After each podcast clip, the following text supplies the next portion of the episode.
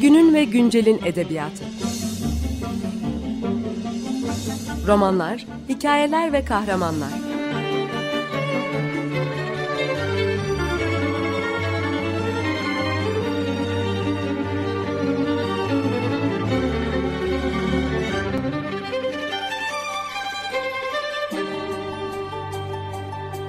Hazırlayan ve sunan Seval Şahin.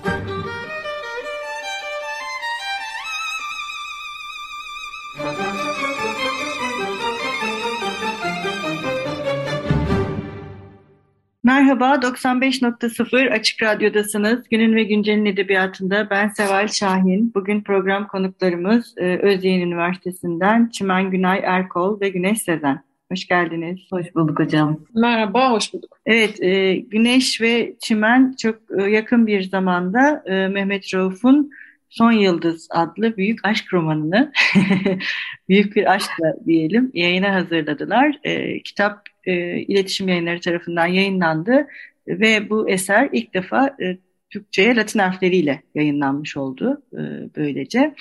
Son dönemlerde Mehmet Rauf'a bir ilgi var. Bu beni de çok mutlu ediyor açıkçası. Kendisinin bir Eylül yazarı e, olmanın ötesinde e, bir yazar olduğu, bence büyük de bir yazar olduğu e, yavaş yavaş gündeme gelmeye başladı. Son Yıldız son eseri sanırım değil mi? Yok hocam aslında Cimri hocam ben aldım sözü ama. Yok sen başla Güneş. Hastalığının yani hayatının son dönemlerinde bir kırılma oluyor Mehmet Rauf'un. Biraz hakkında okuyanların bildiği bir şey bu. E, hastalığının ilk dönemlerinde, ömrünün son dönemlerinde yeni bir dönem olarak, bir açılım olarak e, ortaya koyduğu ilk roman. E, ama sonrasında birkaç romanı daha var. Sadece bu romanı hastalığıyla birlikte, işte hastalığı, fakirliği, artık yazama, tek başına yazı yazamıyor oluşu gibi faktörlerin beraber bir araya gelerek meydana getirdiği ilk roman diyebiliriz. Çünkü bin, 1927'de yayınlanıyor bu kitap ama 1926'da tefrika edilmeye başlanıyor Vakit Gazetesi'nde. 131 tefrika olarak e, görüyoruz metni. Metnin yazım süreciyle tefrika süreci aslında paralel ilerliyor diyebiliriz. Yani tefrikadan önce bir bölüm yazılmaya başlansa da metin e, evlendikten hemen sonra get, bir felç geçiriyor Mehmet Rauf ve e, o felçten kısa bir süre sonra e, roman tefrika olarak Vakit Gazetesi'nde çıkmaya başlıyor. E, bu dönemde zaten konuşuruz biraz daha ayrıntılı ama eşinin e, kaleme aldığı Mehmet Rauf'un e, söylediği, anlattığı bir roman bu.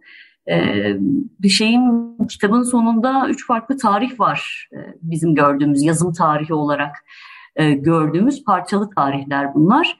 İlki şey e, Mart 1925 diye geçiyor. Biz de bunun tefrika edilmeden ve hani o hastalığa da yakalanmadan, evlenmeden önce yazdığı ilk bölümün bu aralar olduğunu düşündürüyor bize. İkinci bir tarih var. Bir 10 ay sonrayı falan işaret ediyor bu tarihte. Ocak 1926 Kınalıada diyor bu sefer. Bir önceki Kadıköy'dü. Yaşam yeri de değişmiş. Sonra üçüncü ve son bir tarih var. Mayıs 1926 Osman Bey diye bir tarih görüyoruz burada da. Ee, ama tefrikaya baktığımızda Tefrika 25 Ocak'ta başlıyor ve 26 Haziran 1926'da bitiyor. Yani hemen öncesinde başlanmış yazılmış bir şey var ama tefrika bit, e, yani te, kitap bittikten 3 ay sonraya kadar da tefrika devam ediyor. Yani birlikte başlayan, paralel ilerleyen bir e, yazım süreci de var metnin. E, o açıdan e, ilginç bir metin olduğunu düşünüyorum. Üzerinde belli ki uzun uzun düşünmüş ama e, ilk bölümden sonra karısıyla yazmaya başladığında bir şeyler daha da derinleşmiş, değişmiş, üslup değişmiş, gelişmiş, zenginleşmiş diyebiliriz aslında. Aslında tefrika ile birlikte başlayıp uzun bir sürece yayılan, belki eşinin de dahil olduğu kolektif bir yazma sürecinden bahsediyoruz değil mi bu durumda? Evet. Yani, Şimen Hocam biraz yazmıştım konuyla ilgili. Belki kendisi söz etmek ister konsom yazarlık meselesinden. Biraz bahsettik evet biz ön sözdeki e, ön sözü oluşturan yazımızda aslında Güneş Hoca'nın söylediği gibi ömrünün son dönemlerine denk gelen romanlardan bir tanesi Son Yıldız. Şimdi tarihlerini yanlış söylemeyeyim diye ben de dönüp baktım. Son Yıldız'dan sonra Ceriha e, Yara adıyla yeniden bastığı bir romanı var. Ceriha e, Kan Damlası var ve Halas var. Halas da işte Kurtuluş Savaşı romanı olarak e, onun adını farklı bir yere taşıyan bir roman aslında. Bunların hepsinde e, bu aslında yaşadığı sağlık sorununun geçirdiği kısmi felcin daha sonra onu yatağa bağımlı hale getirecek ikinci bir felçle beraber daha da kötüleşen sağlık durumunun dolayısıyla işte eşi Muazzez Hanım'a yaslanarak sürdürmeye çalıştığı yazarlık kariyerinin ürünleri olarak bu son dönem romanlarını belki topluca bir ele almak da lazım. Biz öyle bir işe girişmedik ön sözde. Ama bu ikili çalışma tarzını bir şekilde vurgulamak istedik. Çünkü o benim elim ayağım oldu diyor Muazzez Hanım için. Ee, işte tefrika için çeşitli gazetelere görüşmeye giderken de eşi hep yanında.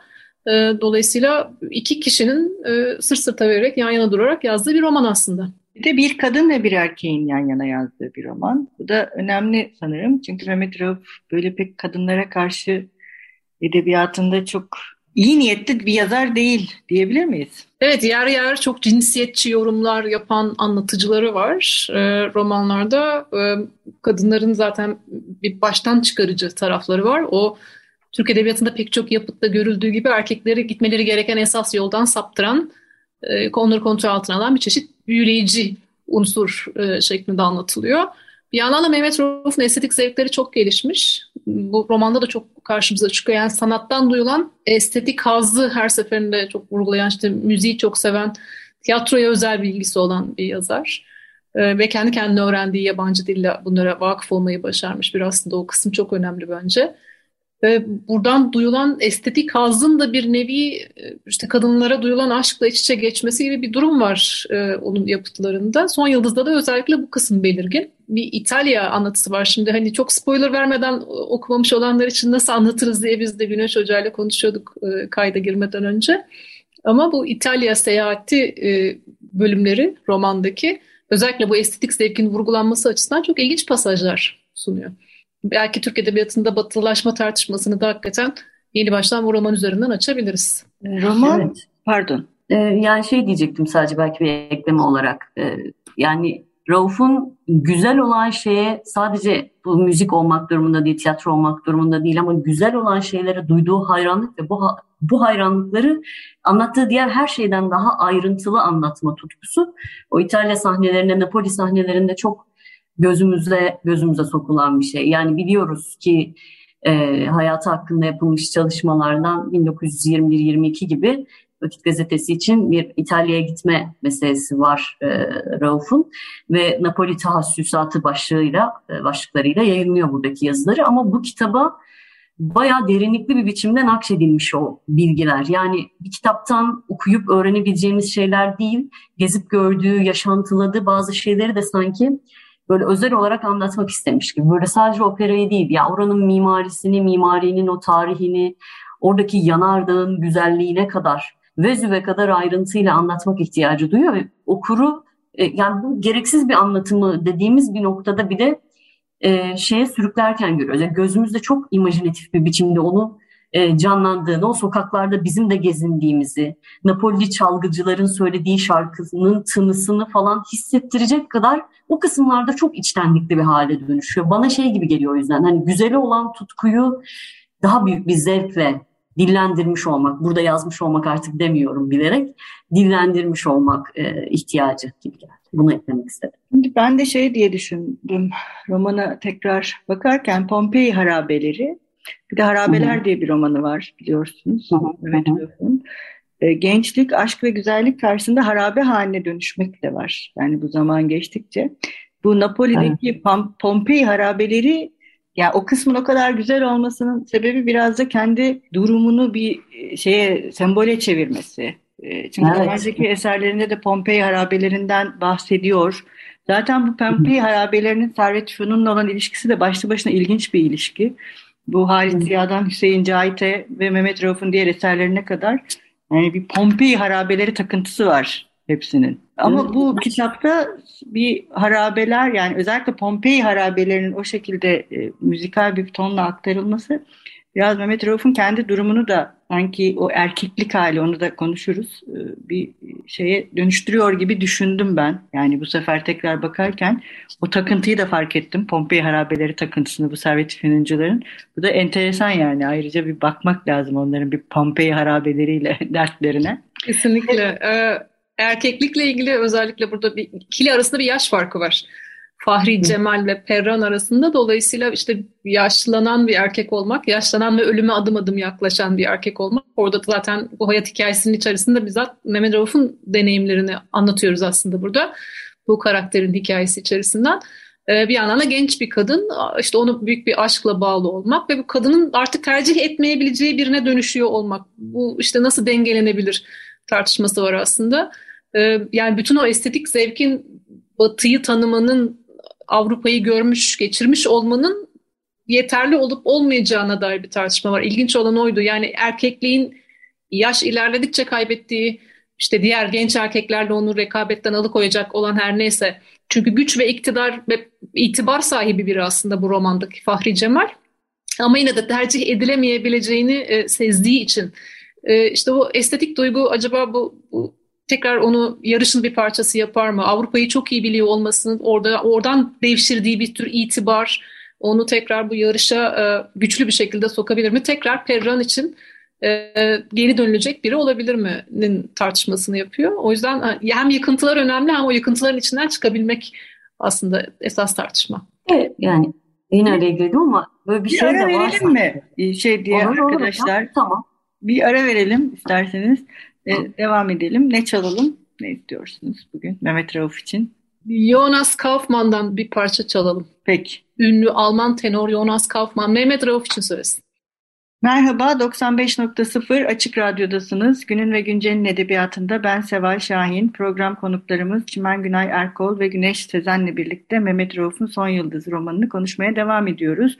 Programımızın ilk bölümünde bu romanın Mehmet Rauf'un hayatının son dönemlerinde yazıldığını, e, hem tefrika edildiğini hem de yazarken felç olmasından dolayı eşinin de buna e, eş tarafından dikte edildiğini e, ve bunun kitap üzerindeki etkilerini e, konuşmuş ve en son e, Napoli seyahati, romanda yer alan Napoli seyahati, e, harabeler ve e, erilik üzerinden e, konuşmaya devam etmiştik ve e, söz Güneş Sezen'de kalmıştı. Evet Güneş. E, ben şey ekleyecektim aslında. Yani bütün e, romanları içerisinde çok iddialı bir şey söylemeden bunu vurgulamak isterim.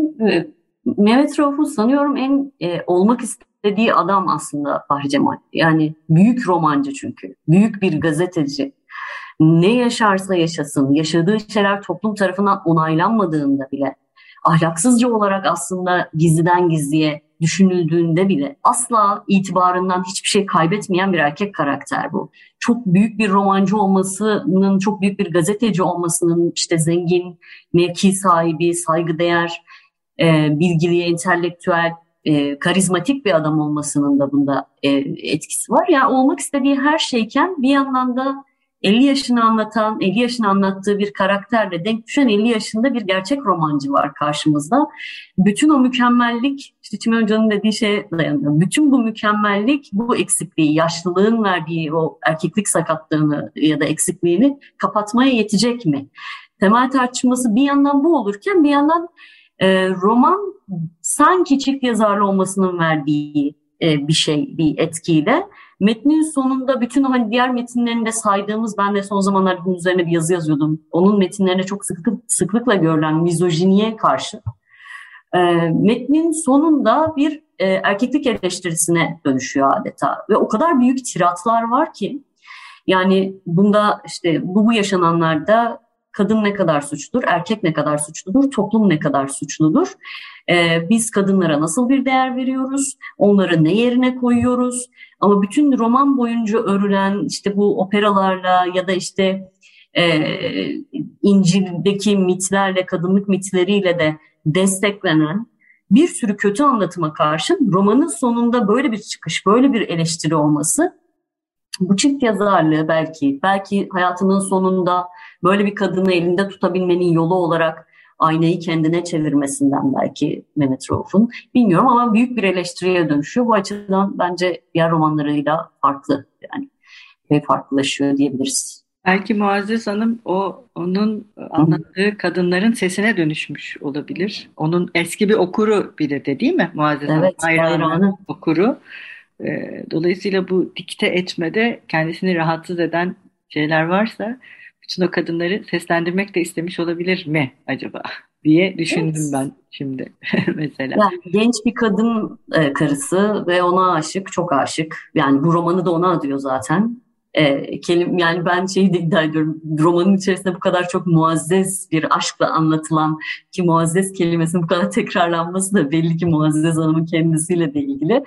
Ama e, şey yani hani ona dikte ettirirken bu kadar genç bir kadının hikayesini genç bir kadına dikte ettirirken sanıyorum kendi başına kalıp kolaylıkla kurduğu mizojini dünyası birazcık şey oluyor. Sesli söyleyince ayıp bir şeye mi dönüşüyor bilemiyorum ama e, belki biraz utanç verdi ve değiştirdi bilemiyorum. Bu tamamen spekülatif bir şey söylediğim ama e, belli ki dışarıdan bir sese söylemek o yazımı değiştirmiş. Yani en azından etki etmiş. Evet tabii bir de okurun karşısında olup kendi fikrini söylemesi de bu yazma tecrübesi açısından çok e, ilginç. Yani birçok parametre var aslında bu kitabın e, yazılma sürecinde. Bir de çok güzel bir roman bence Son Yıldız. Çok güzel bir roman. Yani gerçekten büyük bir roman. Yani Türkçenin e, önemli e, romanlarından birisi. E, ve son dönemdeki bu e, yani şeyi de ben biliyorum Mehmet Rauf'un bütün e, roman, diğer kalan romanların da hepsi yayınlanacak. Ben hikayeleriyle uğraşıyorum biliyorsunuz. E, maalesef hani bu kadar bahsettiğimiz bu yazarın bile doğru dürüst bir külliyatı yok. İşte şu bahsettiğimiz romanın ilk defa Latin harflerine aktarılıyor oluşu mesela. E, evet. Bunlar çok gecikmiş e, işler ve mesela size şunu sormak istiyorum. Hem edebiyat tarihçisi olarak hem de iki araştırmacı olarak. Yani ne diyorsunuz? Bu roman Mesela siz de Mehmet Rauf'la ilgili neyi değiştirdi? Bir şey değiştirdi mi? Bu işleri yapalım mı biz? Gen, bizim dinleyen genç arkadaşlar yapsınlar mı bu işleri? Ne diyorsunuz? Yani biraz da bu mesleki şeyleri de aslında duymak istiyorum. Ne dersiniz? Güneş önce yaşlı olanlara söz verelim. Ben başlayayım mı? Ya genç genç gençlere müthiş enerji vermesi gereken bir roman bence yapılacak o kadar çok iş var ki daha duygusu uyandırdı bende. Mehmet Rauf'un e, bu cinsiyetçi yorumlarına satır aralarında takılan biriydim ben okurken. E, bu romanda da bunu yapıyor dediğim gibi. Ama bir yandan da bu bir, bir erkek karakterin Mephisto'ya benzetildiği yerler de var romanda ve erkeklerin o kendi içlerindeki kötücüllükle ilgili hesaplaşmalarını da bir yandan görünür kılıyor. Benim için şaşırtıcı olan bu oldu. Yani psikolojik derinliğin yazarıdır Mehmet Rauf diye işte okul yıllarından itibaren önümüze çıkartılan bir yazar işte psikolojik roman e, dendiği anda Eylül hemen önümüze yine çıkartılan romanlardan bir tanesi ama nedir bu psikolojik derinlik? Bu erkeklerin psikolojik derinliği ne kadar derin? Nereye kadar gidiyor? Kadınlarla ilişkilerini nasıl değerlendiriyorlar derseniz bu, bu romanda o, o, onu derinlikli bir şekilde bulabildiğimizi görüyorum ben. Bir de güncel gerçekliklere de böyle yavaş yavaş uzanabilen bir taraf olması çok güzel. O dönem işte medeni kanun daha e, encümende tartışılıyor ve romanda kadının bir kadının boşanma hakkının olup olmadığı konu edilirken mesela e şu anda encümende daha meclisten geçmedi. O geçinceye kadar oho diyen bir erkek karakter var ve bir anda aslında ne kadar günceli de takip eden bir şeyle karşı karşıya olduğumuzu da görüyoruz.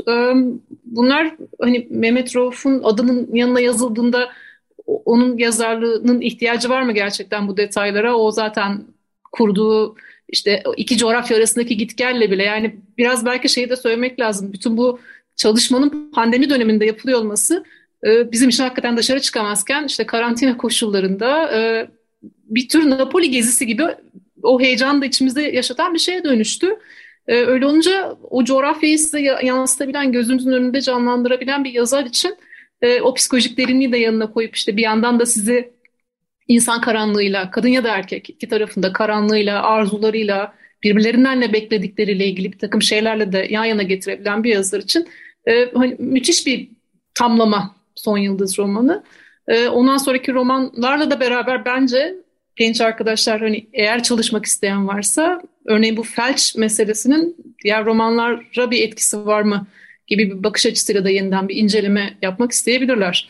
Yani yavaş yavaş hastalanan bir yazar da değişen nedir?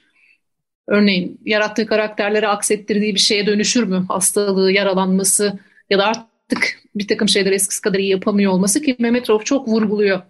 Muazzez Hanım'ın işte sağ kolu olmasını, onun sayesinde yazıyor olmasını.